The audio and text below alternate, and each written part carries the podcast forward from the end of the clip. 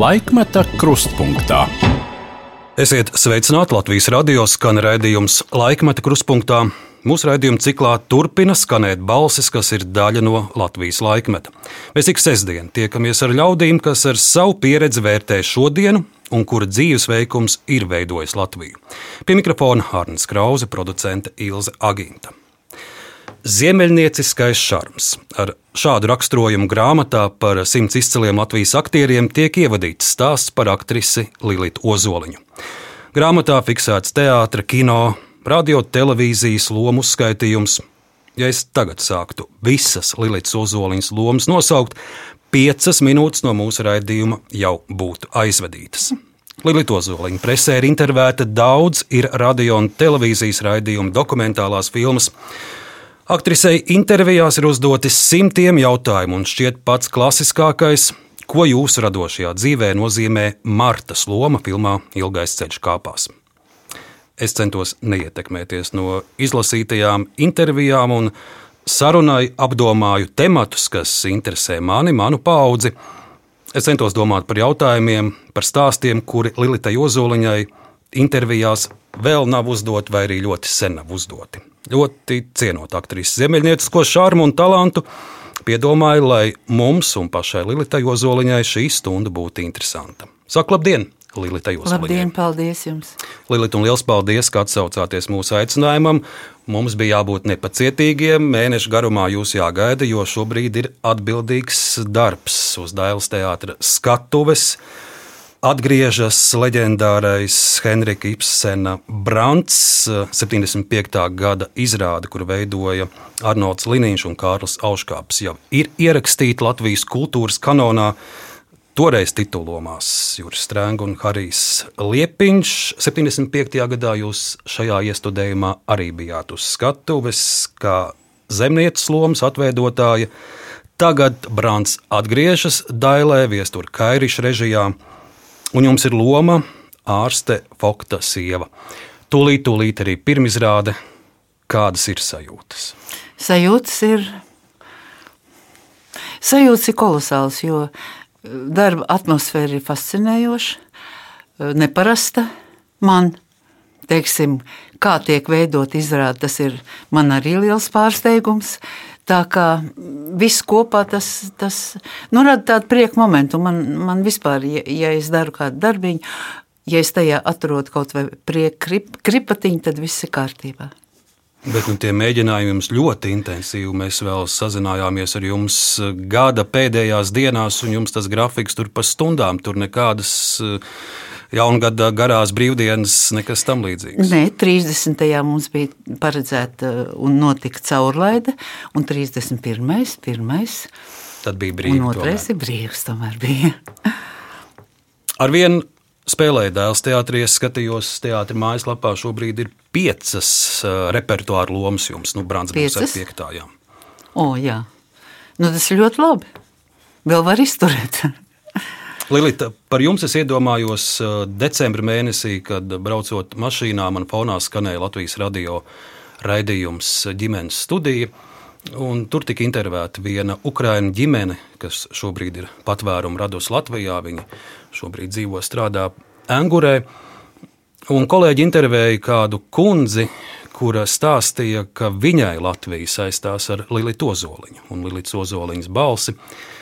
Šai kundzei bija stāsts, ka viņa savu dēlu savulaik midzināja ar cirkenīša Ziemassvētkiem. Raimonda Paula cirkenīša eh, dziesmu, kuru viņa bija dzirdējusi filmā Ilgais ceļš kāpās jūsu izpildījumā. Un tagad šeit Latvijā viņa savu mazdēlu arī iemidzina ar šo pašu dziesmu. Lilita, eh, mazs fragments no raidījuma ģimenes studijā paklausīsimies. Niet. Это не случайность. Я рассказывала своим хозяевам. Nē, tā nav nejaušība. Es jau šo stāstu stāstīju saviem saimniekiem. Viņi man tagad ir kā ģimene, un es ar viņiem dalījos. Kādreiz ļoti sen, tūkstošiem reižu es skatījos filmu. Es ļoti mīlu Rīgas kino studiju, es mīlēju filmu Ilgais ceļš kāpās, es mīlēju Lili Tozoliņu, un es vienmēr sapņoju atbraukt un to visu ieraudzīt savām acīm. Man arī ļoti patīk Paula mūzika. Vienmēr esmu sapņojusi te atbraukt. Un tad, kad izlēmām pamest savu zemi, zemi. Uz Ukrainas pusi nevarējām izbraukt, jo viņi apšaudīja cilvēku kolonas, kuras gribēja atstāt šo pilsētu.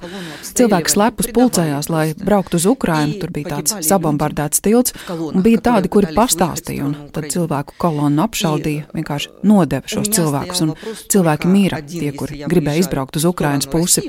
Tāpēc man bija tikai viena iespēja doties Krievijas virzienā. Un mana izvēle bija Baltijas valstis. Es ļoti gribēju nonākt Latvijā. Es gribēju dēlam parādīt šo valsti, jo viņam vienmēr par to stāstīju. Viņa šūpuļu dziesma bija dziedas sirdsnītes aizkrāsnē. Es to dziedāju Krievu valodā, un viņš šo dziesmu zina kopš bērnu dienām arī no filmas, un esmu ļoti priecīga, ka nokļuvu šeit. Es nevēlos nekur citur doties. Esmu gatava šeit dzīvot. Janukās. Lūk, šāds ukrāņu sievietes stāsts. Tātad viņa ir bēgusi no Donbasa un dzied sirdsnīca aizkrāsnē, un Lilits Ozoliņas balss viņai asociējas ar Latviju, un šobrīd ir ar drošību šeit. Ļoti interesanti šo stāstu. Man bija tāds sarīkojums teātros muzejā. Jānis Siliņš veidoja, Un tad, kad eh, tika um, dot iespēja skatītājiem uzdot jautājumus, tad viena sieviete man izstāstīja šo gadījumu. Šo gadījumu, radio, ne? jā, jā, jā, ne, nevis par radio, bet viņa ir tikusies ar šo sievieti. Ah. Viņa tikai man minēja, ka, ka tas esot kaut kur rojas apkārtnē. Roja, ja? Jā, jā, jā. jā. Rojas apkārtnē, un es centos kaut kā teātra telefonu iedot, varbūt nonāks, varbūt mēs varēsim sazvanīties, jeb, jeb satikties, jeb kā tas būtu, tas būtu fantastiski. Bet tad, kad man to izstāstīja, stāstīja. Es domāju, es domāju nu, nē, neteikšu neko, es sākšu raudāt. Mami,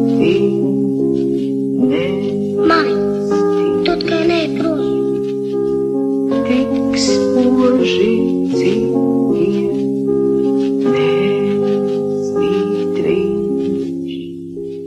kādas bija tās pirmās sajūtas šādas stāstus dzirdot? Man ļoti gribējās šo sievieti satikt, apkamt, piespiest sev klāt un pateikt, lai viņa turās. Jo sievietēm vienmēr bērni, viss tas par to ir. Par to ir jārūpējas, un šajā situācijā tas ir. Nu, es teikšu, tā, es, es savā galvā nesaprotu, kā 21. gadsimtā var kaut kas tāds notikt. Man tas nav saprotams. Es saprotu, ka var, ka var visas tehnoloģijas, visas tie, tie aparāti, visi tie var brukt kopā un viņus var nīcināt ārā. Jā, lūdzu. Bet ja tā dara, ka tā notiek ar cilvēkiem, tas man nav saprotams. Man nav pieņemams. Tā nevar būt. Un tūlīt šim karam jau gads būs apkārt. Nu, un beigas. Var pateikt, ka pēc diviem mēnešiem, pēc pusgada to neviens nezina. Katru dienu mēs kaut kādas šausmas uzzinām. Cilvēki iet bojā. Nē, tas ir prātami. Jā, un man tāpēc gribētos šo sievieti vienkārši, man pat negribās teikt viņai nevienu vārdu. Man gribētos viņu apskaut, piespiest sev klāt. Nu, sajust, varbūt tā ar tādu apskāvienu varētu dot viņai spēku un, un izturību. Un, Lilita, es domāju, šobrīd daudz ukrāņi šeit Latvijā sajūt mūsu visu tādu ciešu apskāvienu un atbalstu, jo, jo mūsu cilvēki ir, ir, ir, ir ļoti līdzjūtīgi bijuši. Un, un, zinot arī mūsu vēsturi, um, ir lieli ukrāņu atbalstītāji. Nu, iespēju robežās mēs darām, un tas, nu, tas ir pats par sevi saprotams. Tas nav ne pienākums, ne, ne, ne, ne, ne, ne uzdevums. Nu, nu, tā, tam, tā tam jānotiek, ja var tādas lietas notikt 21. gadsimtā. Kas ir jūsu skaidrojums, kādēļ uh, liela daļa Krievijas sabiedrības šo karu un Putinu atbalsta? Jūs esat daudz uh, tikusies ar saviem aktieriem, krievu kolēģiem, daudz esat bijusi arī Krievijā. Jūs, uh, es gribētu domāt, jūs, jūs jau saprotat krievu cilvēku. Krievu cilvēks manā uztverē līdz šim, es nezinu, droši vien man attieksme un, un, un, uztvere varbūt mainīsies, bet līdz šim man likās, ka Krievu cilvēks savu dvēselīti, savu sirdi tā uzliek uz plauks un pasniedz. Un man likās, ka tas ir silti, mīļi un, un, un, un Tagad, tagad tas mazliet mainījies. Ir. Un vēl kas ir ļoti interesanti, teiksim, tie kolēģi, ar kuriem es esmu kopā filmējusies. Uh, Krievijas, gan Mosfilmā, gan, gan tad bija vēl Ļentfilma. Ir ļoti dīvaini, ir cilvēki, ar kuriem es kontaktējos, un kuri lūdz neminēt viņu vārdu, ka mēs runājam un mēs kontaktējamies iespēja, pēc iespējas mazāk. Nu, es saprotu, teiksim, par šīm sekām, kādas var būt, ja cilvēki runā. Un ļoti daudz vispār vairs neatbild ne zvanam, ne. ne. Ir tā kā pazuduši, ja kopš jā, kara, kopš jā, kara tieši. Jā, jā, jā. Nu, kopš 24. Mm -hmm. februāra, kā viss tas sākās, tā, tā pazuduši tādi Nu, un, un, un, un, un, un es domāju, tādi cilvēki, kuriem, kuriem es varētu arī šodien uzticēties, jā, viņi, viņi to neatbalsta, viņu vārdus es nesaukšu. Bet ko viņi saka jums par to, kas notiek? Kā viņi to redz? Viņi saka, mums ir galvenais izturēt, šo, es saku, nu, kāpēc, kāpēc nekas netiek darīts? Kāpēc jūs... Tas ir bezjēdzīgi. Jo tā sistēma ir tik, es, es sapratu, tik nostrādāta un tik, nu, tik dziļi tā iēdusies šajā, nevar teikt zeme, nevar teikt valsts, nezinu, kas tā ir, ka tas nav iespējams un, un, un ir jādomā, ir jādomā par savu dzīvību, tas ir tiesa. Tā kā situācija ļoti, ļoti sarežģīta ir. Ļoti sarežģīta. Es palūkojos arhīvos, un šeit ir viena jūsu intervija laikrakstā Jūrmala 1989. gadā.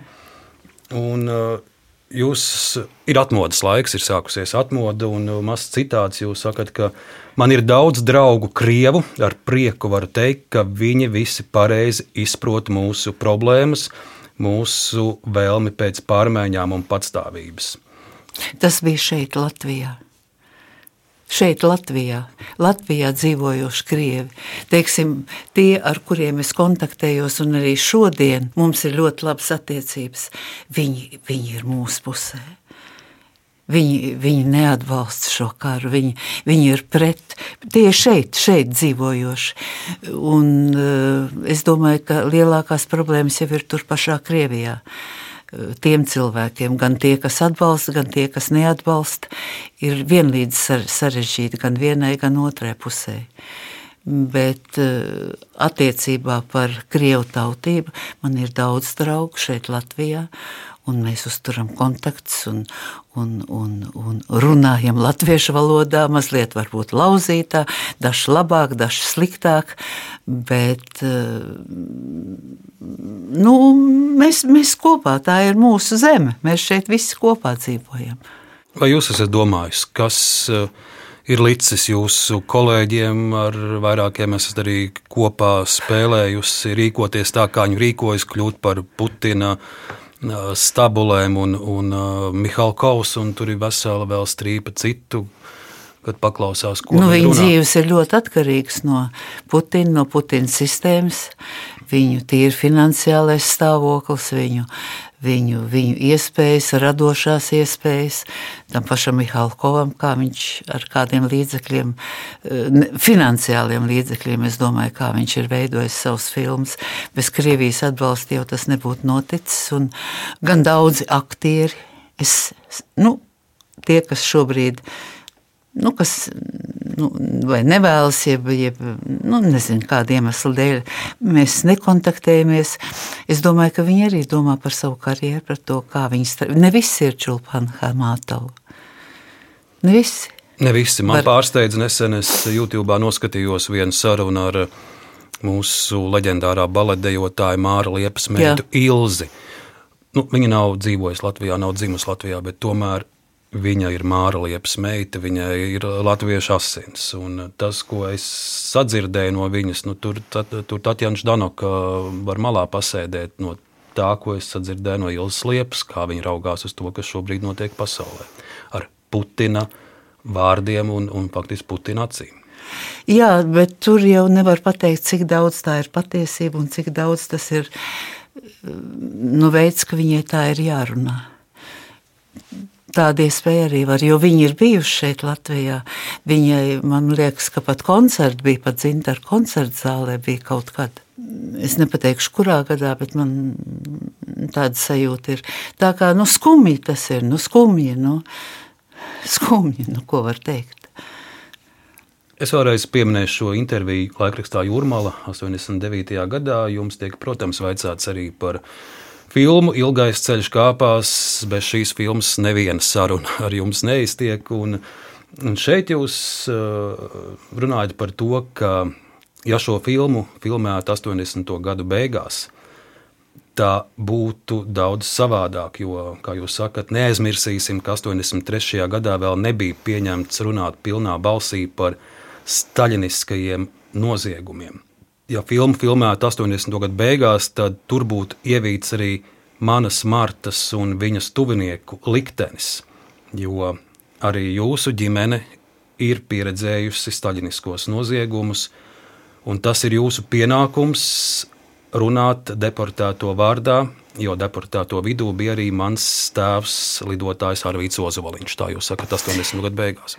Nu, teiksim, cik tas ir intervijā, bet pamats, kāpēc es tā runāju, tāpēc, ka ilgais ceļš kāpās man nav tikai kārtējā filma vai, vai, vai, vai viena loma klāt pārējām lomām. Ilgais ceļš kāpās, es varu teikt tāds, nu, var, var, var pasmaidīt par to, var, var uzskatīt, ka es esmu tāda sentimentāla Es uzskatu, ka ilgais ceļš kāpās ir mans tāds dvēseles parāds, kas tiek dots maniem vecākiem. Jo, ja līdz šai filmai es um, nu, savu vecāku dzīvi es uztvēru nu, kā filmu. Es tā nebiju tajā iekšā. Man liekas, ka es skatos, ka es skatos kadrus, sekoju tam un, un uzzinu šo to jaunu, šo to jau, ko es zināju. Bet bet izprast, sāksim ar tēvu, ka viņš pēc visiem.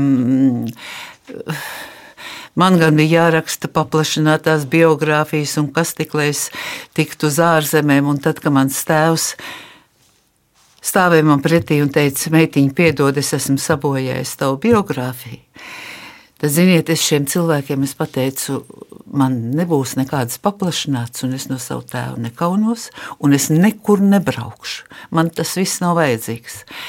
Bet tikai situācija tāda, ka šo braucienu apmaksāja, tas bija brauciens pirmais uz Somiju, ap, ap, apmaksāja Somiju, viņi pieprasīja, viņi teica, ja mēs dodam naudu, tad jābrauc tam, ko mēs gribam, nevis kādam citam.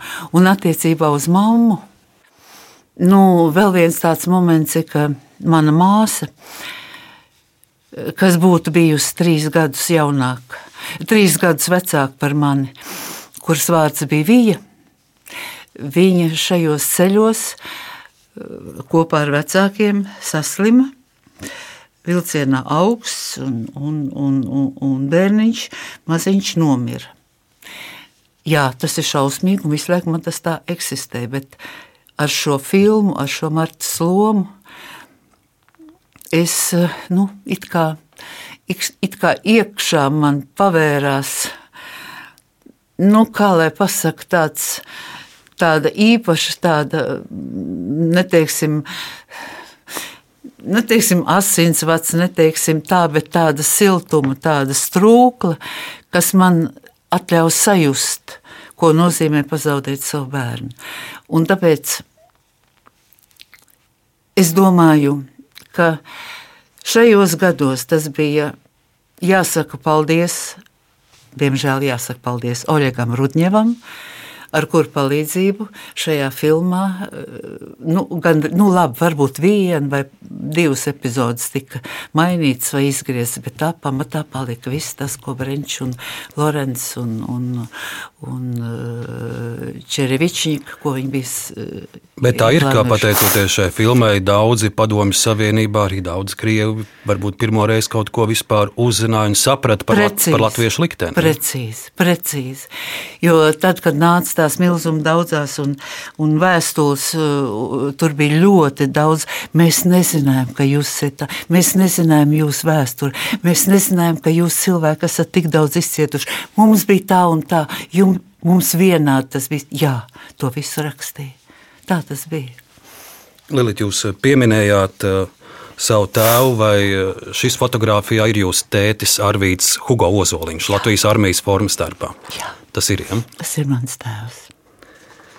Tad nu, šeit no arhīva Lilita jums būs uh, arī ko paskatīties. Ir saglabājusies visa jūsu tēta Latvijas armijas dienesta gaitas vēsture, un te ir pa gadiem un mēnešiem. Un šo arī jūs man To es jums arī dāvinu. Un šeit ir, šeit ir viņa mācību lietas, un viņš ir pirmajā gimnājā, skatos, teicami mācījies, un, un, un ar viņu roku rakstīts dažādas anketas. Un es skatos, teicis, jums ir bijis uh, lid, lidotājs, izmēģinātājs arī. Jā. Un, un, un tad, kad sākās, viss, sākās visi, visi kari, un tā, tad māte bija tā, kas braukāja, mamma braukāja viņam visur līdzi. Un tad viņi man stāstīja tādu gadījumu, ka bija kaut kādi uzlidojumi un kaut ko, un viņiem tur jālido. Un tēvs ir vienā šķūnī ievedis viņu un teicis, tu stāv šajā stūrī un nekusties ārā, nekas ar tevi nenotiks. Un apkārt uh, sprāga lādiņa, un, un viss, un viņi stāvēja tajā stūrītī. Pagāja laiks, tēvs atlidoja un aizgāja viņai pakaļ, un, un viņi, viņi, viņi kopā. Jā, tā Un te tas ir. blakus uh, tēta dokumentiem, lai arī ir mammas. Paldies. uh, Pirmā pase šeit jūsu mamma Albertīna ir 13 gadu vecumā fotografijā, un tā ir, tā ir viņas pirmā pase 26. gadā, laikam izdota, jā, es skatos. Tā ir jūsu Jā, mamma. 26. jā. Fotografija atpazīst. Jā, nu, tā ir viņas mūžīgā, mūžīgā frizūra. Mūžīgā frizūra, tad tie vaiziņi tādi apaļīgāki un tā, bet taisni man tāda arī ir. Tā, nu, nav šāda vecuma man ir. Jūs vecāki vecāki. redzēja filmu Ilgais ceļš kāpās? Mm, Man mamma ne, Ne. ne. neredzēja neviens ne otrs. Nē, tēvs noteikti ne, bet mamma pagājušā 84. gadā, kad iznāca, vai nē, es domāju, ka nē. nē. Mēs šodien noklausīsimies, un arī kopā ar jums noskatīsimies dažus arhīvus. Un, uh, kā pirmais būs uh, fragments no kinožurnāla Padomju Latvija 1981. gads, un šeit ir fiksēts, kā top filma Ilgais ceļš kāpās.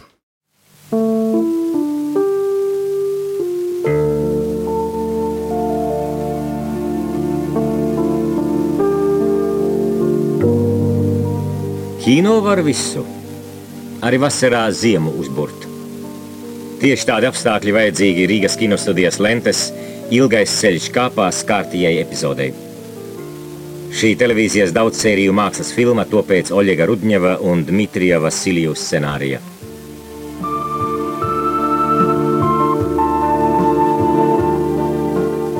Aktrisi Ludmilu Čursinu jūs droši vien pazīstat. Tāpat kā jaunās filmas režisoru. À, tad jau mēs Aloisu bijām, Veišu. tad jau mēs bijām tur tajā. Ai, kas tā pa pilsētu bija? Jānis Mūrnieks.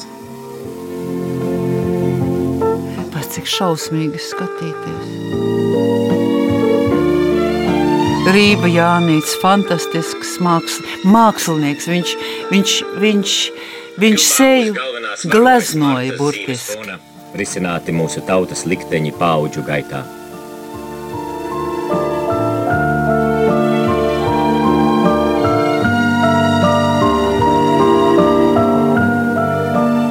Lilitas Ozoliņas partneris ir lietuviešu aktieris Joskis Seļus.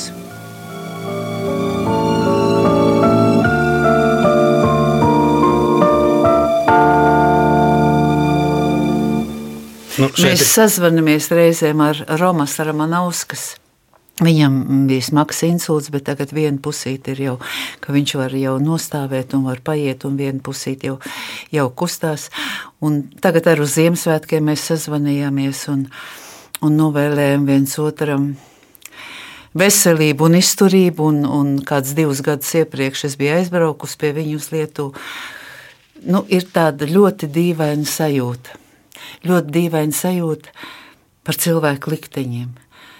Kā Romas pats ir teiksim, savu, ar savu tādu dzīvesveidu izpostījis, un rezultātā gan slimība, gan, gan tagad absolūti viens, cil, viens pats, un otrs Jozefs atkal, kurš, nu, kurš vienkārši, vienkārši nav, jo, jo tas viss tā notika aorta plīs. Un, Un abi filmā bija jūsu Jā. dzīvesbiedri. Un abi man bija ļoti, ļoti tuvi cilvēki, ne tikai teiksim, uz ekrāna, bet, Bet mēs kaut kā tā satuvinājāmies arī filmēšanas laikā. Nu, Romasam vēl nebija bērni, bet Jozefam bija meitiņa, un tad mana meita ar viņa meitu tur tā kopā.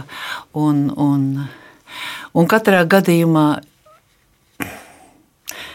nu, tas bija skaists periods. Un es domāju, ka gan Jozefam, gan Romasam tas ir nu, saistīts ar viņa dzīvi, ar viņa likteni, ne tikai, ne tikai loma.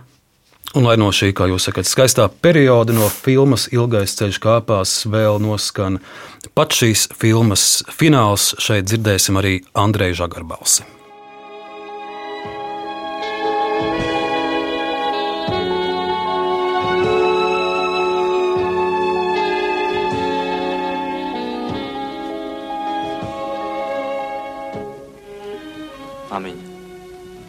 Sveķi. Tās ir priežu asaras. Bērnībā tu man stāstīji. Es pēc tam ilgi domāju, kāpēc raud priedes. Hmm. Tu toreiz vēl biji maziņš un nezināji, ka pasaulē ir daudz bēdu un asaru. Saka, vai tagad tu esi laimīga? Jā, laimīga. Tāpēc, ka es esmu šeit. un tāpēc, ka es tev devu to, ko atņēmu kādreiz. Par vispār jau nejautā dēls. Lūk, šādi izskan ilgais ceļš kāpās, vai jūs pat esat arī kādreiz domājusi, iztēlojusies, kā varēja turpināties šī filma? Nē, nu bija, bija jau iecerēts, ka būs filmai turpinājums, un, Un jau, jau man liekas, ka sāka pat kaut ko rakstīt, un, un Brīsīs par to tā jau nopietni domāja. Un, un kāds bet, viņš būtu bijis? Kas bija paredzēts? Nē, nu tālāk viss tie likteņi, bet viss apstājās pie tā, ka tie aktieri, kas spēlēja pirmajā ilgais ceļš kāpās, gadu ziņā nevarētu turpināt. Un līdz ar to uz šo mm, gadu robežas viss apstājās un, un noklus. Un es domāju, ka arī ka tas ir labi, ka tas, kas nu, ir, ko ir iemīlējuši skatītāji, ka nevajag to uh, vēlreiz vai atkārtot, vai papildināt, lai tas paliek. Lai tas paliek kā nobeigta filma un, un, un, un viss. Bet, nu, doma tāda bija. Vēl viena filma, kuras mūsu šīs dienas sarunā noteikti vēlos pieminēt, ir 1967. gadā Rīgas kino studijā tapusī, kad lietus un vēji sitas logā. Jums, Lilita, ir veltes loma. Filma uzņemta tātad pēc tāda paša nosaukuma Arvīda Griguļa romāna motīvie, motīviem ir 40. gada otrā puse. Okupētajā Latvijā notiek čekistu cīņa ar meža brāļiem un pāri jūrai naktī ierodas Anses Leinasars, kura uzdevums ir sagatavot Latvijā apvērsumu. Pēc daudziem gadiem šajos laikos režisors Pēters Krilovs pēta, kas patiesībā notika uz uh, šiem patiesiem notikumiem balstītajā stāstā, un uh, Pētera Krilova filma mm, šķetina mudžekli un mēģina meklēt patiesību, un viņš secina, ka, piemēram, uh, jūsu lomas prototyps Velta Treimane uh, nebūtu nesabrūk tādā gļāvā nožālā vai nodod savus ideālus. Pēters Krilovs secina, ka, ka viņa čekistiem saka acīs, es ienīstu padomju varu. Par šo filmu 67. gadā Veltes loma ir jūsu pirmā lielā loma. Jums tolaik 20 gadi. Cik daudz jūs vispār zinājāt par, par meža brāļiem, uh, par to, kas notika Latvijā 40. gadu otrajā pusē. Harijs Liepiņš, viņš, protams, zināja, jo viņš bija saistīts ar leģionu. Varbūt viņš kaut ko vairāk stāstīja. Nu, viņam, protams, dzīves pieredze, bet man, man viss bija pirmo reizi. Man pirmo reizi bija loma. Uh, Nē, es teātrī, nē, es teātrī fakultātē biju mācījusies, nē, es teātrī strādāju. Es biju tikai pirmo gadu iestājusies Tautas kino aktieru studijā, ko izveidoju. Un tur es satikos ar Alois Brenču, un viņš man tādu svaigu, svaigu gurķīti, neko nezinošu cilvēciņu paņēmu uz provēm un apstiprināju šai lomai. Tā kā, lai es teiktu, ka es zinātu kaut ko un būtu sagatavojusies šai lomai, tie būtu meli. To, ka es do, zinātu, kā veidot šo lomu, kā vispār ķerties pie lomas klāt un sākt kaut ko darīt. Ja es teiktu, ka es to zināju, tie arī būtu meli. Es esmu ļoti pateicīga Harijam Liepiņam, kurš manos izmisuma brīžos viņš man sauc par Vinniju Pūku. Un viņš teica, Vinnija, jo es eh, tiklīdz es iegāju Rīgas kino studijā, kā es ir Brenčs man pateica atkal kādu asāku vārdu, es tik raudēju, raudēju, raudēju, un Harijs bija tas, kas teica, nu, tu, Vinnija, tu vispirms sāc kaut ko darīt, un tad raudi. Bet man tas bija tāds liels neziņas periods, un tad, kad Krilovs veidoja šo filmu, kad jau man bija kaut kāda dzīves pieredze, un kad es, nu, cik mums skolā mācīja tajā laikā, Latvijas vēsturi, min, vēsturi minimāli kad man jau bija kaut kāda apjēga un, un, un sava nostāja, un es biju lasījusi grāmatas, un, un uh, vairāk zināju par, par autoru, par Griguli, un, un, un uh, man attieksme bija pavisam savādāka nekā tad, kad mēs filmējam šo filmu. Jo tad es tiešām biju absolūts nezinītis. Visās jomās neko es nezināju. Es vienkārši metos iekšā, mani brenči iemeta, un es tur, nu kā nu varēju, tā, tā eksistēju. Un Lilita, ar šo filmu arī ir saistīta pati pirmā publikācija, pati pirmā reize, kad jūs vispār presē esat pieminēta. Tas ir 1967. gada 11. aprīlis, laikraksts Padomu jaunatne. Raksta autore ir uh, Ingrīda Jēruma. Un, Jā. Uh, raksta nosaukums Liepiņš, Pāvils un citi. Jā. Pie tiem citiem tad nu, esat es, arī, arī jā. jūs, un te ir mazs maz, maz citāts. Uh, Daudzi vēlas redzēt savā filmā pieredzējušus aktierus, bet režisors Brenčs ir padomājis arī par jaunām sejām. Beltu tēlos teātris fakultātes neklātienes studenta Lilita Ozoliņa, bet Rutu Dumpi Māra Zemdaga. Vai ar šīm debitantēm filmā nepietiek? Tā saka Brenčs. Nu, Māra Zemdaga jau bija aktrise, viņa jau strādāja teātrī. Nu, lūk, un tad, nu, tad nu, šeit ir tā pirmā reize, kad jūs esat arī Jā, nu, nu, tā kā taisnība ir visam tam, ko es teicu, ka tas man tāds, tāds lēciens augstā ūdenī. Tad nu arī, lai mazs fragments. Bet nu paliku dzīva. Fragments no 1967. gadā uzņemtās filmas Lietus, kad lietus un vējs sita slogā, Veltes lomā Lilita Ozoliņa. Beidzot, viss ir kārtībā. Šovakar man ir pēdējā un galīgā tikšanās. Drīz es varēšu doties uz kādu nomaļāku stūri un sagaidīt laivu. Un kur šis filmēts viss? Paviljonā. Tā bija dekorācija paviljonā. Man tas nemaz nesajūsmē. Vienīgais ārskats bija tirgu, kur mēs filmējām. Matīs tirgu. Es nekur nebraukšu.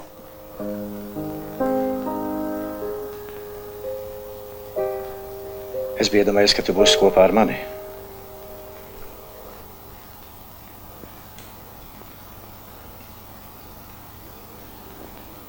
Viss tas beigsies ļauni.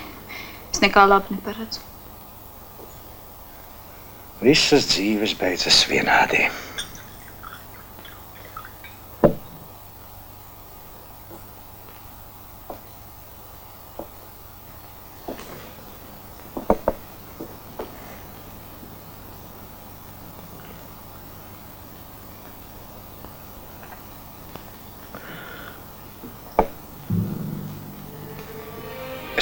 Es gribu, lai tu atcerētos.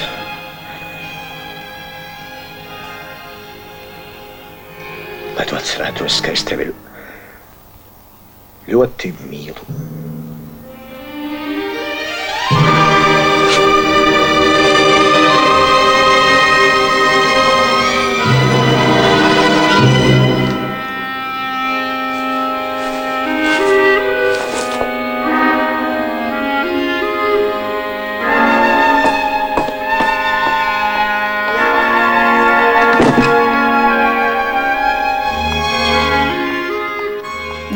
pasaules kadrs. Nu, to arī kinokritiķi vērtējuši, ka šī no mākslinieckā viedokļa ir viena no izcilākajām filmām, kas Rīgas kinostudijā ir tapusi. Tā tad ar šo lomu arī viss sākās. Viss sākās. Mēs sarunas turpinājumā pieminēsim vēl jūsu lomas un arī jūsu darbus kino, bet uh, viena filma, ko, ko, no kuras es arī vēlos vēl šodien atskaņot fragment, tas gan būs fragments, kā šī filma ir tapusi. Tā ir ezera sonāte. Jums ah, vijas jā. loma. Laura ir Astrīda Kairiša, vijas loma, un es interesanti uzzināt šodien, ka jums māsa, ja vien būtu bijusi tālāk, jā, dzīvojusi, arī, arī būtu vija darbs pie ezera sonātes. Nu, es domāju, ka tā loma to man, to man, to man dieviņš uzdāvināja. Jo mm, uz kino mēģinājumiem man uzaicināja pašā, pašā pēdējā brīdī, un, un, un pēc tam man stāstīja, ka Gunārs Cilinskis nav, nav varējis zināt, kas varētu šo lomu spēlēt tā, un vienkārši sarunājuši, nu, joka pēc, lai atnāk Lilit, nu, pamēģināsim. Es pat atradu kino arhīvā Vismaz sešas pretendentas aktieru provēs ir izmēģinātas. Jā. Bez jums arī Gita Vagenheima, Līga Liepiņa, Elita Krastiņa, Skaidrīta Putniņa. Diezgan gara tā rinda bija uz vīsloma. Jā, jā. Un es biju, biju pat, pat pēdējā, un es domāju, ka šo lomu man uzdāvināja Dieviņš un Rasmu Prande. Tā ir uh, grimmētāja eh, studijā, Un, un, un tad, kad es atnācu uz kino mēģinājumu, viņa bija atradusi man parūciņu un uzlikt to parūku. Un, un es kaut kā ļoti jūtīgi, vispirms tā neparasti man pašai bija, un, un sāku tā dīvaini uzvesties. Tad grimētavā ienāca mm, Gunārs Cilinskis un, un, un, un to, un es jocīgi tā ar viņu tā ne, ne pa savam sasveicinājos. Un tas arī bija tas izšķirošais moments, kad man apstiprināja šo lomu. Tā kā es domāju, ka, ka es esmu ļoti pateicīgs Šarlam, tā mēs saucam šo grimētāju Šarlam, par to, ka es pateicoties viņas atrastajai parūciņai dabūju šo lomu. Tā kā, nu, tā, nu, Nu, tāda spēle dzīvē arī mēdz notikt. Katrā gadījumā tas interesants raksturs ir. Un, un, jau pats darbs ir ļoti interesants. Pats par sevi tā kā, tā kā es esmu pateicīga liktenim, ka manā pūrā ir šī loma. Un arī mazs fragments no tā, kā ir tapusi filma Ezera sonātē, kinožurnāls Padomju Latvija 1975. gads. Kino maisei nav plāna garoza. Veidojot jau desmito kino lomu, to labi zina Lilita Ozoliņa, aktieru studijas triju pauģu pirmā izlaiduma absolvente.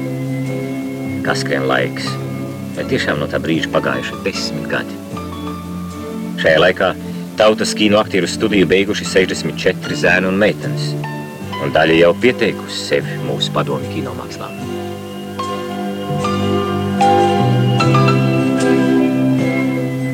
Gunāra Cilinska vadībā top ezera sonāte pēc Regīnas ezeras romāna Aka.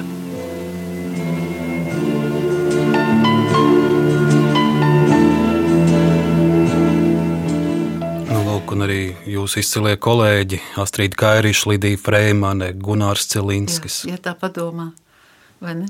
Neticam. Nē, bet šajā filmā, nu, tāpat kā ilgais ceļš kāpās, teiksim, ir mans parāds vecākiem, tad šeit es gribu teikt, ka šeit es gaidīju savu meitiņu, jo notika tā, ka, nu, Astrīda saslima un līdz ar to visu filmēšana ievilkās pa pāris mēnešiem. Un, un, un, un, un vēderiņš man auga, un, un tad uz beigām tad var redzēt, kā vidiņš filmē, nu, tā, līdz līdz viducim, tā, lai var tā ir viena lieta, uh, ar ko man saistās šī filma, un tad man ir ļoti skaists nobeigums šai filmai. Tad, kad veidoja, man liekas, uh, arī tāda filma par to, kā filmēja šo te ezeru sonāti, mēs bijām aizbraukuši uz, uz šīm mājām, un tagad tur bija citi saimnieki, Un, un šis saimnieks bija atradis precīzi tādu pašu pulksteni, sienas pulksteni, Tomariņa, jā. kā ir filmā. To, ko es tur sadauzīju, un viņš bija restaurējis tā, ka viņš strādā un uzdāvināja man šo pulksteni. Mm. No šīs filmas tā kā man ir, man ir vēl tāda atmiņa. Filmas Ezera sonāta un ilgais ceļš kāpās, arī kad lietus un vējs it slogā.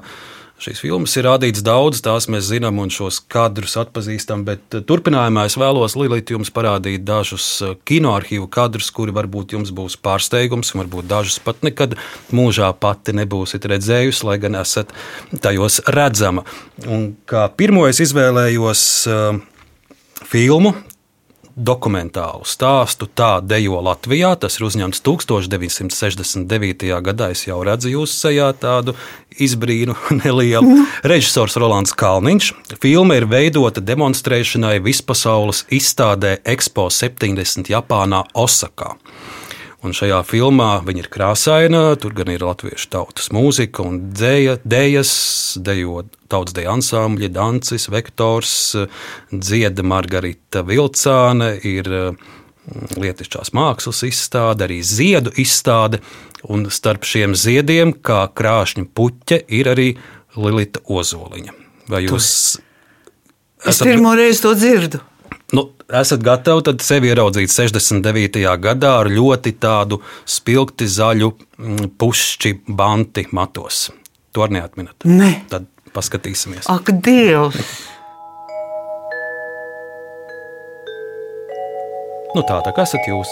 Tā esmu es vai dienī?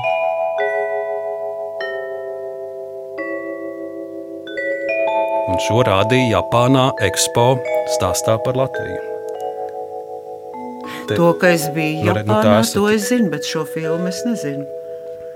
Un kas par tiešām tāds interesants pušķis liels? Ak, Dievs!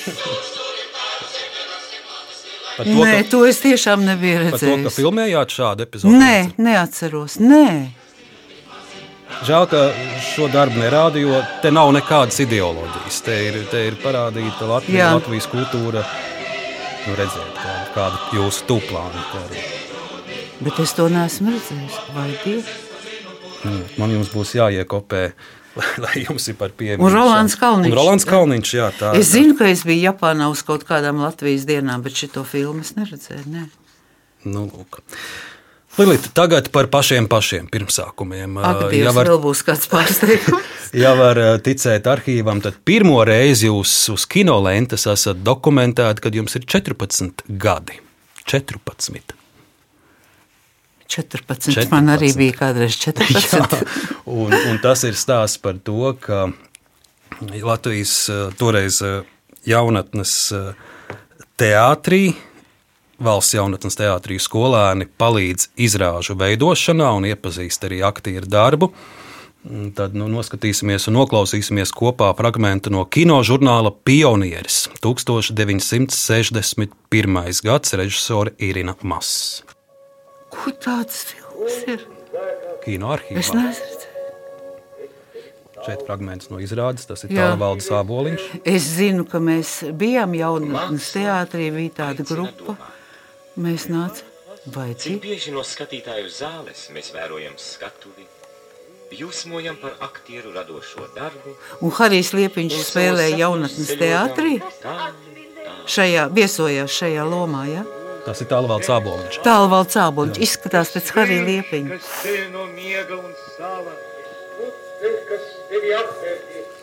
Un balss cik līdzīga. Karalis Harim.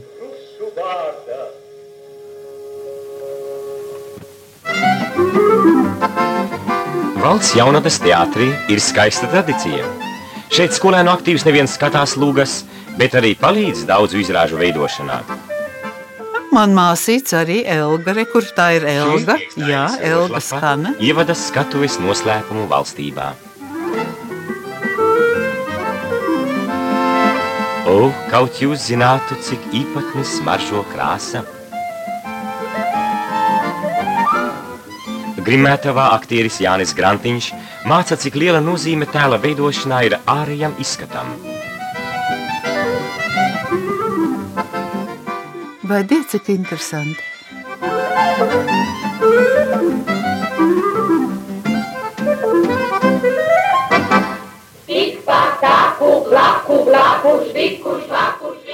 Alīda.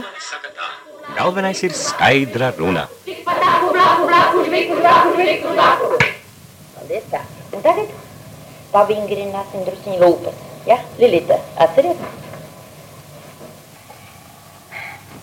Viņu rītu, Ripu situ, citu rītu, stipu cirtu. Un tagad Vai visi dieniņ. kopā. Lūdzu. Viņu rītu, ripu, situ. Nu, lūk. Nē, kur jūs to atradāt? Bet vai šo, šo runas vingrinājumu ar vienu izmantojat? Lai... Jā, Jā. viņu rītu ripu citu, citu rītu stipu cirtu. Tikpat aku blaku, blaku žviku, žvaku, žviku, žvaku. 61. gads un, un, un Lūcija Baumanē Jā, jā. jūsu priekšā. Jā, Tas arī droši vien tā pirmā iepazīšanās ar teātri tad nu sanāk. jā, tas bija kaut kāds pulciņš, mēs skatījāmies izrādes.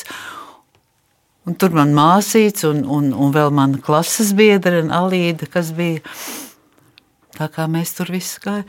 Nē, nu šausmīgi interesantāk. Dievs, paldies. Lilīt, es domāju, jums būs interesants Es arī. pat nezināju, ka kaut kas tāds eksistē. Nu, lūk, Jā. es domāju, jums būs interesants fragments arī no 1965. gada kino žurnāla Padomi Latvija. Kas svarīgi, šī kinožurnāla režisors ir Aloijs Brenčs, un iespējams tieši šeit viņš jūs arī ierauga un Jā. pamana. Un stāsti par to, ka tiek dibināta kino aktieru tautas studija.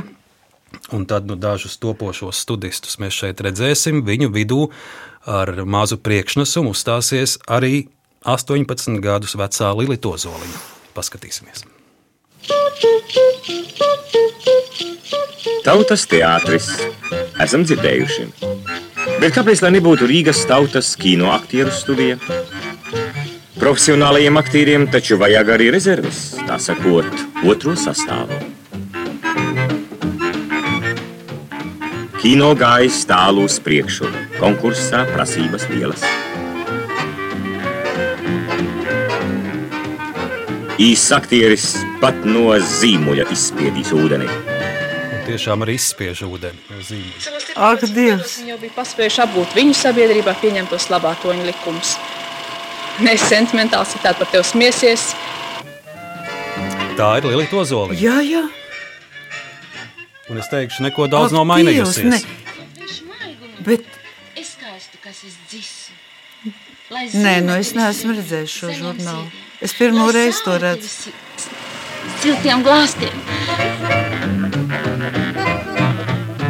Vai drīz ar viņiem tiksimies ne vairs žurnālā, bet jau mākslas Nu, tas ir to es teicu, tautas kinoaktieru studiju, un Brenčs tad man paņēma savai Un lomai. šis ir 65, savai filmai. jā. 65. gads. Jā. Tie tie pirmie kino sākumi. Nē, nu tas ir fantastiski. Tas ir labi. Vismaz savos, savos gados es tagad redzu šos kadrus, citādi nebūtu redzējis. Tie ir tie pirmie sākumi, bet uh, svarīgi, protams, profesionālā dzīvē ir, ir, ir, ir skolotāji, ir režisori, kas jums ir bijuši blakus. Es uh, mūsu šodienas sarunā izvēlējos trīs - Pēteru Petersonu, Aloiju Brēnču un Arnoldu Liniņu. Un no Latvijas radiofonotēkas mēs tūlīt arī noklausīsimies dažus fragmentus. Pēter Petersonu jūs esat uh, saukusi par savu skolotāju Jā, ar skolotāju. lielo burtu. Jā. Un Jā. tūlīt pat arī dzirdēsim fragment no Latvijas radio raidījuma, kas ierakstīts 1993. gadā. Dēlas teātra 4. studijas audzēkņi Pēters Liepiņš, Marina Janaus, Lilita Ozoliņa, Kaspars Pūcē, Var Siliņš un Didis Cauka atsauc atmiņā dzējas izrādes motociklus, tātad Imanta Ziedoņa dzējas izrādes Jā. motociklus, eh, noskaņas un izjūtas. 93. gads šis ir jūsu audzēkņu, jūsu kursa audzēkņu veltījums Pēterim Petersonam 70. jubilejā. Paklausīsimies! Kā milzīgi svečsturi ozols stāv kailos rudeņos, pavasaros, kā latgales svečsturi ozols stāv ar mēnesi ugunīm zaros. Bet mēnesis ir mēnesis, un zvaigznes ir tālas. Jūs nezināt svečsturu mokas, kad pusnakts melnajā klusumā lūdz svečturu rokas. Bet pāri plūst balta mūžība, pa pienceļ straumēm un tecēm. Kā milzīgi svečturi ozolis stāv un gaida pēc savām svecēm.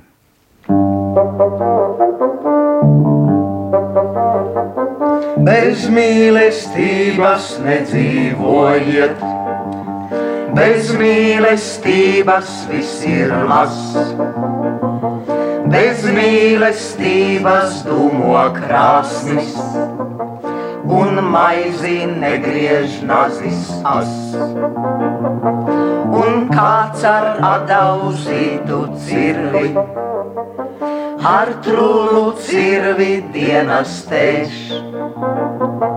Un dīvains apnicības vēlniņš uz spožām gardīm stangām sēž. Un ikne vēlna nevar saprast, kāpēc uz logiem puķes zied. Kāpēc no rītiem vajag celties? Un kāpēc vajag gulēt iet? Bez mīlestības nedzīvojiet, bez mīlestības viss ir mazs.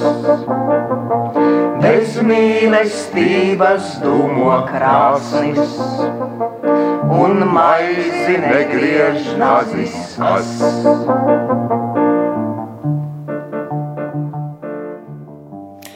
Mūsu, mūsu studijas skolotājiem. Vēl viens jūsu režisors Arnolds Liniņš, paklausīsimies 1980. gada Latvijas radio raidījumu aktrise Lilita Ozoliņa, teātrī un kino. Un Lilita šis raidījums ir interesants ar to, ka nevis tiek stāstīts par jūsu lomām, par jūsu izrādēm, un citi par jums stāsta, bet jūs izjautājat uh, savus režisorus. Atminat šādu ierakstu, neatminat? Neatminat. Nu, tad paklausīsimies, kā jūs esat uh, iztaujājusi Arnoldu Liniņu 1980. Oh. gadā. Nu, bet režisori, bet pastāv tāds jēdziens kā, nu, lūk, šie režisori, aktieri, tie ir mazāk.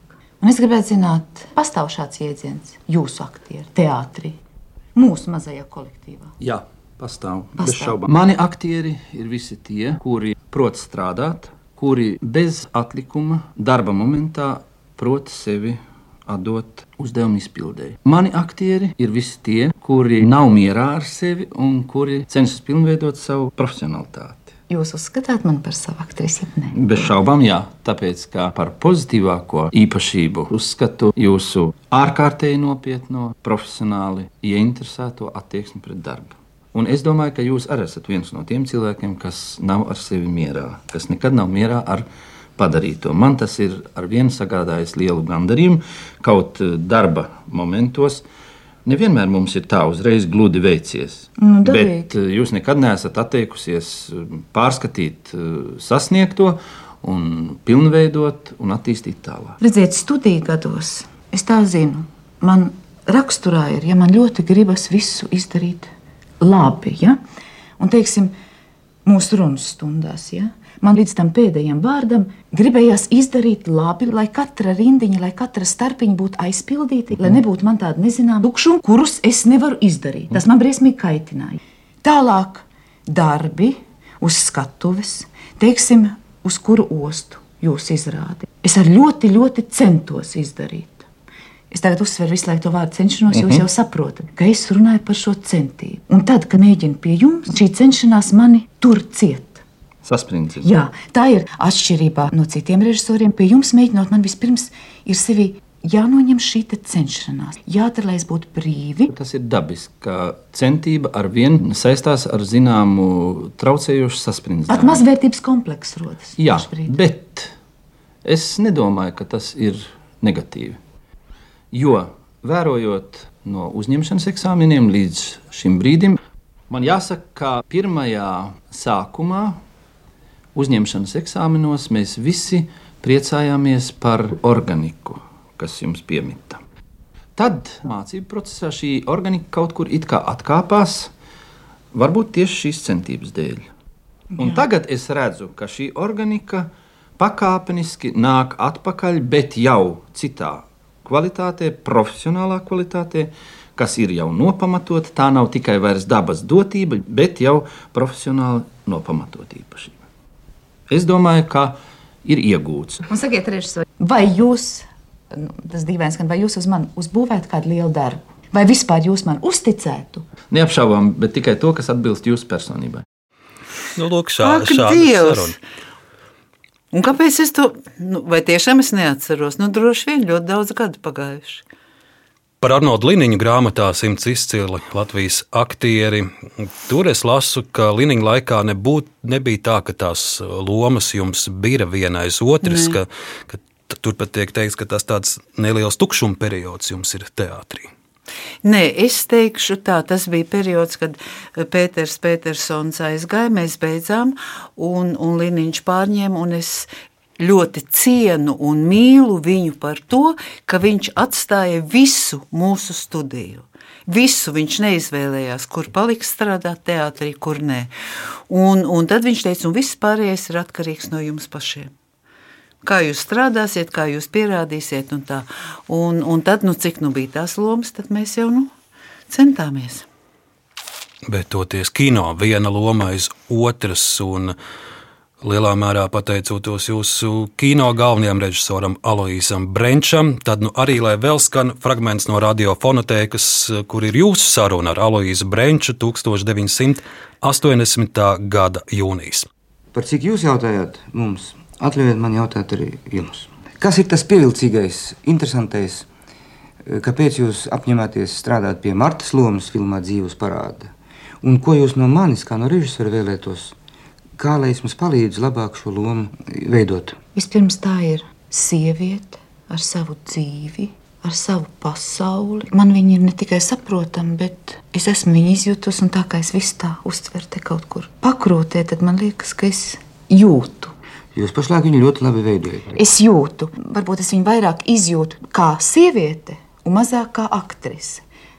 Varbūt es nespēju aptvert visu lomu kopumā, bet sieviete es saprotu. Un tas ir tas, kas man piesaistīja šai lomai. Jo, teiksim, atceroties mūsu pirmo kopējo darbu, kad lietas un vējas ir slogā, Jā. kas nu tiešām pagāja man vienā sasarās, bet tagad zinot, ka jūs ar visiem jauniem aktieriem strādājat. Un man pat likās, ka jūs bijāt cits cilvēks, ka tagad jūs esat savādāks. Tagad es domāju, ka jūs esat kļuvis daudz cilvēciskāks un jūs tā jūtīgāk atsaucaties. Tāpēc, ka man tā bija tikai pirmā filma, un es to vispār tā ļoti nervozi uztveru. Bet tagad strādāt man ļoti patīk. Man patīk, ka mēs varam strīdēties. Man patīk, ka mēs taisām dažādas variantus, un es simtprocentīgi paļaujos uz jums. Es esmu dzirdējis tādu teicienu, ka teātrī greizsirdīgi ir ne tikai vīrietis uz sievieti, un sieviete uz vīrieti, bet arī sieviete pret sievieti un vīrietis uz vīrieti. Lomu dēļ. Vai tā ir? Tad, kad es redzēju, kā Ausma spēlē atrētnēs to savu lomu, man bija vai skaudīgi, vai greizsirdīgi. Nu, ļoti.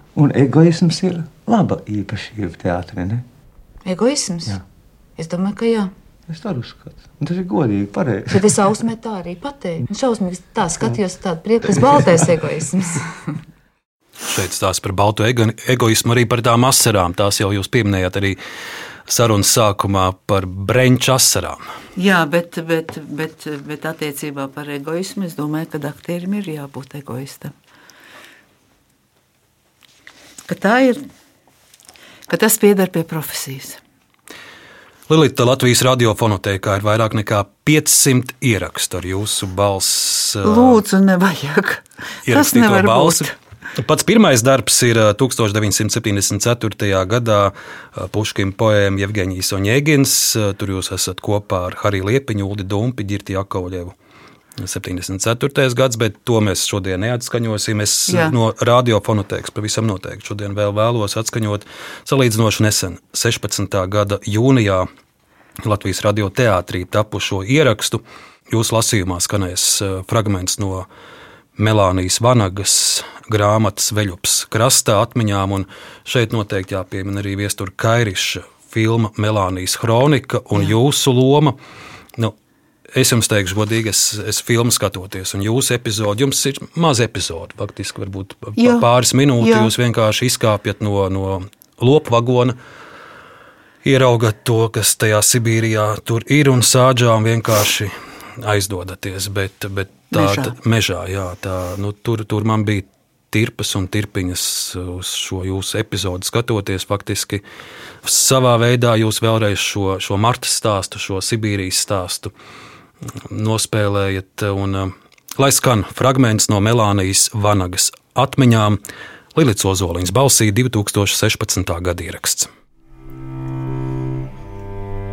Pirms trim naktīm sarga izbuškā bija pakāries vecais Popovs. Kādēļ sarga tur vairs nebija? Toties vecais vēlns bija solījies pats vismaz vienu latviešu nokniept. To nakti gājām trīs sievas. Bez mums ar aiviekstīti vēl arī broku vera. Visu skailām kājām, jo pakulu vīzes bija jātaupa darbam, un kartupeļu laukā tās atstāt nenoliedzams pēdas, jo bāzes krievu pakulu vīzes nevalkāja. Kājas briesmīga sala, bet galvā dega baiļu ugunsārts. Nakts bija tik klusa, ka dzirdējām akļu pogaļas sprakstam un pelīti graužam kartupeli. Ievelkāmies lauku vidū, kur drošāki, iegulāmies vagās, un nu tik kast. Kartupeļi lieli, maisiņas piegrābam ātri, jau līdām uz malu, kad no kalniem nočakstēja tā kā smagu soļu troksnis. Tas būs vecais vēlns. Kustēties vairs nedrīkstēja, jo apsalušie kartupeļu laksti jau lūstot čaukstēji un mums tūdaļ nodotu. Šāviens. Melānija Vanaga veļupas krastā. Jā, es domāju par šo te mazo epizodi. Es domāju, cik precīzi nostrādāja Viestures Kairišs. Tas ir, tas ir apbrīnojami, tas ir vispār vārdos neizsakām. Paldies viņam par šo vienu kadru, vai vienu vai diviem kadriem šajā filmā. Radījuma sākumā jau skanēja dziesmas circenītes aizkrāsnē, Raimonda Paula melodija un, protams, arī viņa leģendārā melodija no filmas Ilgais ceļš kāpās. Eh, saistībā ar Raimondu Paulu, lai šodien arī izskan viens mazs fragments, jo es nezinu, Lilita, vai jūs atceraties, bet eh, jūs esat šeit pie Latvijas radio mikrofona 1983. gadā. Lasījusi fragmentus no Jāņa Petera grāmatas par Raimondu Paulu. Režisors Imants Krastīņš lasa Lilita Ozoliņa, Arnolds Liniņš un Gundars Aboliņš. 1983. gads. Interesanti. Lūk, ko saka Silvijas Stumbra laikrakstā Sevetskai Latvija, kur viņa recenzē Rīgas estrādes orķestra debijas. Labi sev parādīja arī instrumentālais sekstets, kurš sastādīts no orķestra labākajiem mūziķiem. Vispirms jāatzīmē pianists Rēmons Pauls, kur personā kā sekstets, tā orķestrs ieguvis pirmklasīgu mūziķi. Raimonda Paula spēle iezīmējas ne tikai ar lielu brīvību, pat virtuozitāti, bet arī ar smalku muzikalitāti. Katrā ziņā zem viņa pirkstiem klavieris nepārvēršas sitamajā instrumentā, kā tas bieži gadās ar džēzu orķestru pianistiem. Viens no labākajiem koncertu numuriem ir Raimonda Paula džēza miniatūra virpulī, kā arī fantāzija par Džordža Geršvina tēmām viņa apdarē. Es skatos komponistā, kas nu atradas brīdi atspiest muguru un parunāt. Kāda apsēstība tomēr ir visa pamatā? Un kādus tomēr skaistus augļus šī apsēstā neatlaidība ne tikai pasakās, bet arī dzīvē nes tiem, kuri sakož zobus, uzvar sevi, uzvar apstākļus un piepilda laiku ar brīvu, skaistu, darbā atraisītu mūziku. Ārkārtīgi interesanti man šķiet muzikologa atzinumu par Raimonda Paula džekmeņa spēju būt latviskam džekzā, šī simtprocentīgajā amerikāņu mūzikā. Džeks ir tava jaunība, es saku. Tagad tu vari triumfēt, saklausījušies tavas dziesmas, kā indīgas un reibinošas puķis, savodušies. Viņi pusnomodā tev seko pa pēdām un klausās arī džēzu. Pēc konservatorijas tu strādāji Reo? Nē, jau konservatorijas laikā, ja to vispār var saukt par studēšanu. Es dzēru un spēlēju. būtu nodzēries, ja pēkšņi nebūtu sapratis, ka es spēju vairāk nekā nožēlojams alkoholiķis. Un maestro vēl šodien, 20 gadus pēc šī cilvēces klasiskā netikuma atmešanas, nodarbinās it kā riebīgu ēnu no sevis nokritīdams. Ēna paliek aizmugurē. Savu ēnu nedrīkst nest pa priekšu. Citādi aizbaidīs forelis. Par mūziku jau nemaz nerunājot. Šāds fragments no 83. gada. Es lielīgi izvēlējos viņu arī tādēļ, ka šeit es, es redzu, ka ieraksta režisors ir Imants Krastīņš. Es neko daudz par uh, jūsu privāto dzīvi nevēlos vaicāt, jo arī tā ir gan aprakstīta, un, protams, arī dzeltenās un nedzeltenās preses visu kaut ko krustšķērs ir rakstījuši. Tik cik jūs pati pāris teikumos vēlaties pateikt, uh, par to arī es teikšu paldies. Jūs domājat par Imantu? Es domāju, ka tas bija ļoti skaists laiks, kad mē, mēs pavadījām kopā. Uh, viņš, uh, lai cik tas dīvaini liktos, uh, man stipri daudz palīdzēja darbam teātrī. Es varēju ar viņu aprunāties, viņš deva savus padomus. Un vienlaicīgi viņš, viņš radīja tādu īpašu spriedzi attiecībās, jo, jo, jo Mm, pie viņas pārliecinājusi, ka greizsirdība nav no tām labākajām īpašībām. Tā kā lai man tam viegls smilts, paldies par to laiku, ko mēs bijām kopā. Un, um, un viņa, viņa spēlmans, spēlmans saucās tikai izrādījā. Nu, to es vēl šo, šobrīd atceros. Man tā kā tāda filma, tādas atsevišķas epizodes ir priekšā, jo tas tiešām bija nu, meistardarbs. Ja reiz uh, skan Rēmona Paula vārds, es uh, vēlos arī nedaudz uh, pieminēt 80. gadus. Diezgan bieži Rēmons Pauls, jūs, Vija Artmane, arī Ivars Kalniņš dodaties uz Maskavu, uz Krieviju, un tās ir dažādas kultūras dienas, mākslas dienas. Jūs faktiski esat daudzu gadu garumā Latvijas balss, Latvijas sēja visā plašajā Padomju Savienībā. Jā, un, un, un, un paldies Paula kungam, ka tad, kad es varēju uh, nu tā, uh, zem rubrikas, es it kā, it kā dziesmu dziedu, tad viņš vienmēr teica, nu, do mažorā, un šoreiz tu trāpīji. Tā kā tās uzstāšanās ir bijušas ļoti tādas interesantas, un, un es gribu teikt, ka es uzaugu, es dzīvoju, Un tagad vēl šodien es elpoju, un tas ir Raimonda Paula mūzika. Kinoarchīvs ir saglabājis uh, epizodi no Latvijas kultūras darbinieku viesošanās Maskavā 1982. gadā. Es skatos, tas ir vesels vilciens sastāvs. Jūs tur esat ļoti daudz, gan, Jā. gan partijas funkcionāri, gan dejotāji, gan aktieri. Nu, protams, ar ko sākas vizīte Maskavā Lilita? Vizīte Maskavā sākas ar Ļeņina apmeklējumu. Kamera ir filmējusi, fiksējusi arī brīdi, kā Lilita Ozoliņa dodas pie, pie mauzoleja. Dodas pie lielā ļeņina. Ak, Dievs! To gan parādiet man! Pirms sagriežas izstāžu, koncertu, tikšanos raibais karuselis, nu, mēs esmu? nākam izpildīt visvētāko pienākumu. Mēs nākam uz sarkano laukumu, mēs nākam pie Ļeņina.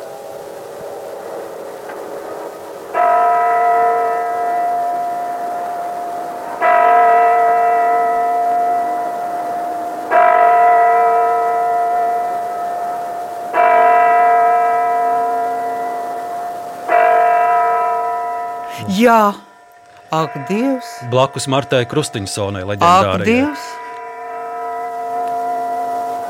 Un nākošā katrā reģents. Mēs tiekamies ar tiem, kuru vārdi ir mūžībā. Nu, to nobeigumu jūs esat kolosāli uztaisījis. ne, nu, ir, ir, ir dažādi, dažādas epizodes, pieredzētas un dažādi notikumi. Es Nē, nu labi, ka jūs man parādījāt. Vēl viens arī fragments jau no 1986. gada ir Krišāņa Barona 150. Uh, dzimšanas dienas piemiņas pasākums Maskavā. Un tur lielajā kolonu zālē Lilita Ozoliņa lasa Latviju dainas Krievu valodā. Jā, mēs bijām abas ar Mircu Martinsonu. Un Ivars Kalniņš arī. Kas, tas bija kaut kas traģisks. Tad no šī, no šī kaut kā traģiska arī mazs fragments. Tas bija kaut kas traģisks. Ak, Dievs, kā mēs ar Mircu mācījāmies tās tautas dziesmas Krievu valodā. To, to, to es vēl pat tiešām šodien atceros. Tas bija kaut kas vienreizējs. Un pašām smiekli nāca, jo skanēja tas drausmīgi. Arotbiedrība nama kolonu zāle Krišāņa barona 150 gada svinību prezidijā PSKP CK politbiroja locekļu kandidāts PSRS kultūras ministrs Piotrs Džemičevs, Latvijas komunistiskās partijas centrālās komitejas pirmais sekretārs Boris Pugo, Maskavas un Brālīgo republiku rakstnieki Вовсе недолгая ночь на Янов праздничек. Чуть стемнело, как светает. Смотришь, солнышко встает. Vai dievi! Un tas ir Ivars Kalniņš. Jā. Селся я, огонь взметнулся. Lielais barona portrets fonā. Un tā ir Mirdza. Un visi, visi tauti tērpos. Jā, tas bija kaut kas vienreizējs. Par 80. gadiem runājot, jums ir paralēli darbam teātrī, paralēli kino lomām ir arī, ja tā var teikt, tāda aktīva sabiedriskā darbība. Es skatos presē, kā jūs tiekat pieteikti. Šeit ir piemēram minēts, ka Lilita Ozoliņa ir Latvijas Komunistiskās partijas centrāla komitejas locekļa kandidāte. Arī Latvijas kinofonda valdes priekšsēdētāja, padomju komitejas sadarbībai par draudzību un sadarbību Eiropā locekle, Rīgas pilsētas proletāriešu rajona tautas deputāta padomas deputāte. Tas, tas uzskaitījums ir garš šī. Nu, tas ir skaisti. Tāds uzskaitījums, tas labi. Šī sabiedriskā aktivitāte, cik, cik tā bija jūsu paša rosība, cik daudz vienkārši tas bija tādēļ, ka tas bija jādara? Nu, es neteikšu tā, ka tas bija jādara. Es domāju, ka tur sarakstīt jau visu kaut ko var visās, visā, visā, visā tajā, tajā kopumā. Un, ziniet, ir tāds periods, kad, ja cilvēks ir populārs un cilvēku zina un, un tevi atpazīst no ilgā ceļa kāpās, ja tad tev ņem un raksta un visur vēl iekšā, lai tikai būtu tas tavs vārds. Tas ir apmēram kā no visas padomju savienības piedāvāja lomas un teica, jums nekas nav jāspēlē, esiet tikai Marta. Es nevaru teikt, ka es esmu bijusi ļoti aktīva. Man tas, nu, diemžēl, nekad nav saistīts. Viena lielākā mana aktivitāte bija tad, kad es izveidoju savu studiju. Lūk, tā bija mana aktivitāte. Bet, nu, kā deputāte, es skaitījos uz papīra, un tie, kas tur ievēlēja, tā kā tas notiek un ko tur dara. Es neko nezinu, un tajā nesaistījos iekšā. Un, un te par to par tām sadraudzībām, to es vispār pirmo reizi dzirdu. Tā kā nu, nu, visādi ir bijis. Bet es nevaru teikt, ka es esmu tā sociāli aktīvs cilvēks.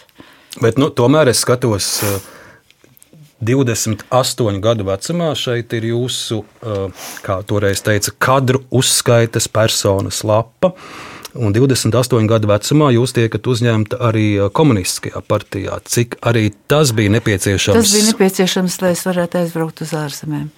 Jo ņemot vērā nu, manu biogrāfiju, viss, kas man bija, un arī nu, to manu pirmo braucienu, kad man tur speciāli sauc un kas man tur bija jāraksta un viss kaut kas tā, tad, lai es varētu ar filmām braukt, tad tas bija jāizdara. Atmodas laikā jūs esat uh, visos svarīgākajos lielajos notikumos, arī, arī tad, kad tiek dibināta tautas fronte. Un, uh, Interesanti, es skatos, ka jūsu kolēģe Olga Dreģa teica, ka viņai ir mūža sapnis, kaut viņa varētu kaut vienu teikumu pateikt no lielās dziesmu svētku strādes.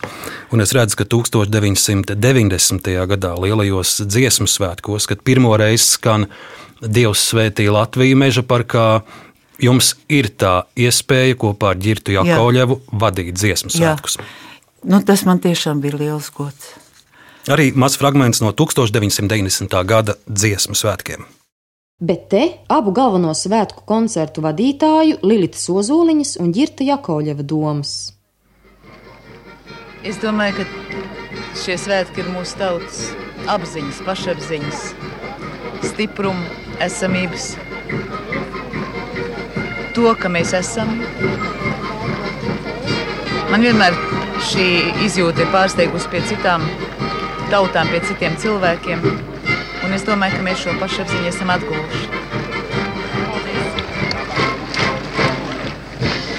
Man šķiet, ka šie svētki bija tāda brīnišķīga izlādēšanās pēc mūsu ārkārtīgi saspringtajiem politiskajiem un ekonomiskajiem momentiem, kad cilvēki varēja tā izdziedāties, izdejoties, satikties, izrunāties, sajust tādu kopību, par kuru līdz šim mēs runājām daudz, bet šeit viņi, man liekas, realizējās tādā iespējami lielā masā. Tas, man liekas, ir tas skaistākais un tas labākais. Un līdz šīs atkal ir dziesmu svētku gads. Jā, es būšu droši vien klausītāja rindās šoreiz. Bet, nu, bet tas ir skaisti, ka tas notiek, jo, jo tas tiešām ir tautas spēks, tauta esamība. Mēs apliecinām, ka mēs esam, ka mēs būsim un ka mēs esam Mēs esam vienreizēji nepārspējami. Mums jālepojas ar pašiem ar sevi un nevajag sev tā noliegt. Tas nav labi, tas nav labi. Jā, daudz kas nav labi, bet, bet mēs esam kolosāli. Nu, dziesmu svētki, es zinu, man tas ir, un daudziem tā ir kā tāda vieta, kur tu vari uzlādēt baterijas pēc tam ilgam laikam. Tas ir tas tautas spēks, tur tajā brīdī tas viss tur kopā sanāk. Kas... To nevar vārdos izteikt. To iekšā te tā jūt. Te. Kas liet vēl būt jūsu tādi spēka vārdi, jo šobrīd arī nu, ļaudīm, nu, protams, mēs, mēs jau skatāmies uz gaismu un pavasari, bet, bet tās ikdienas rūpes un, un rēķini un Ukraina, kur, kur jūs redzat gaismu un spēku visā? Lai es pateiktu tā pavisam atklāti, tad visu laiku es kaut kā galvā varēju visu to sakārtot mazliet. Nu, tagad ir pienācis tas brīdis, ka ir mazliet par daudz. Ka ir mazliet par daudz, un, un, un reizēm ir tā, ka es netieku galā. Tad es cenšos nu, nesakot tā ziņām, lai mazliet pasaudzētu sevi. Bet ko es gribu teikt? Es gribu teikt, ka nevajag zaudēt ticību, iekšēja harmonija.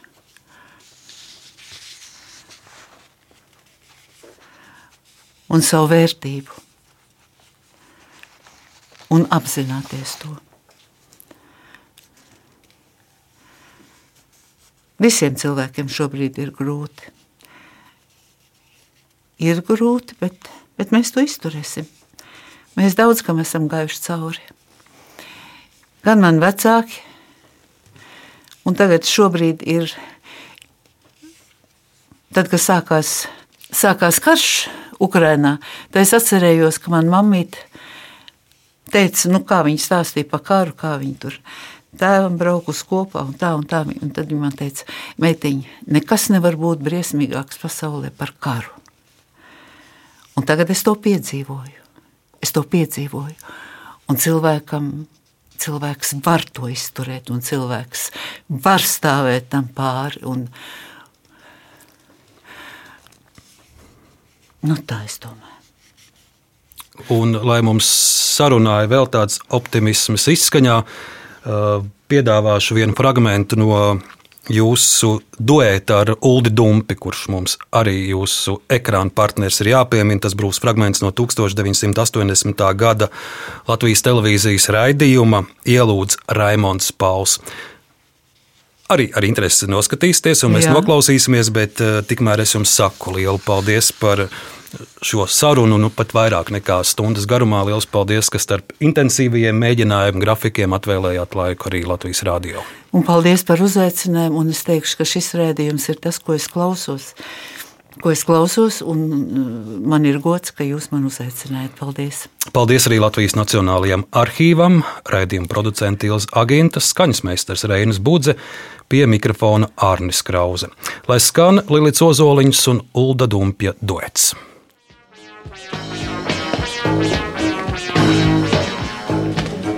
Lilita, Vai tu kādreiz esi arī iedomājusies, Ko? Cik daudz reizes un cik dažādās lomās mēs esam viens otru mīlējuši? Ko?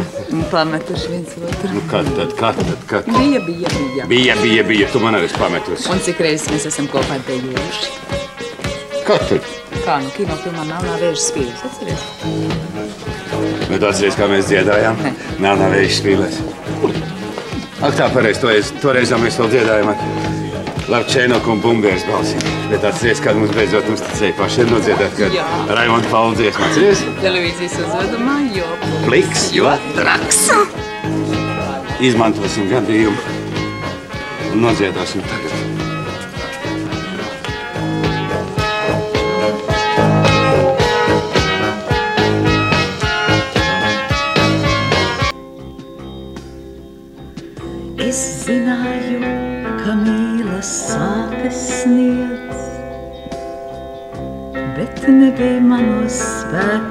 Spēkos pretī stāt. Tu gāji prom kā strauts, kas valgmi liedz,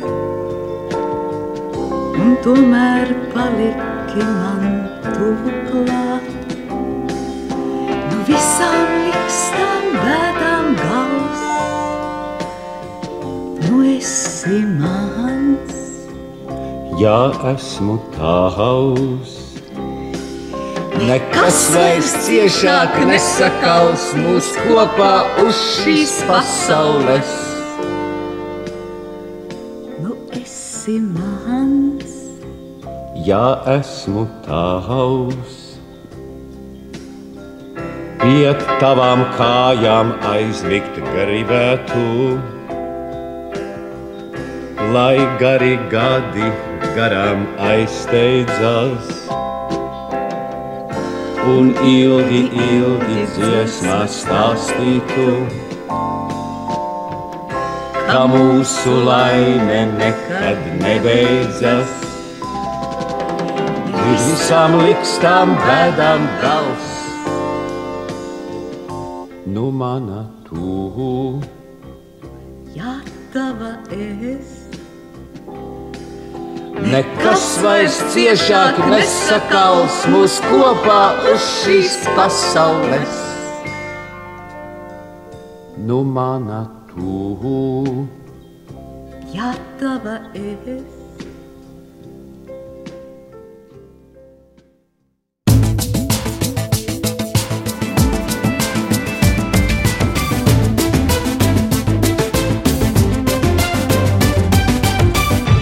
Laikmeta krustpunktā.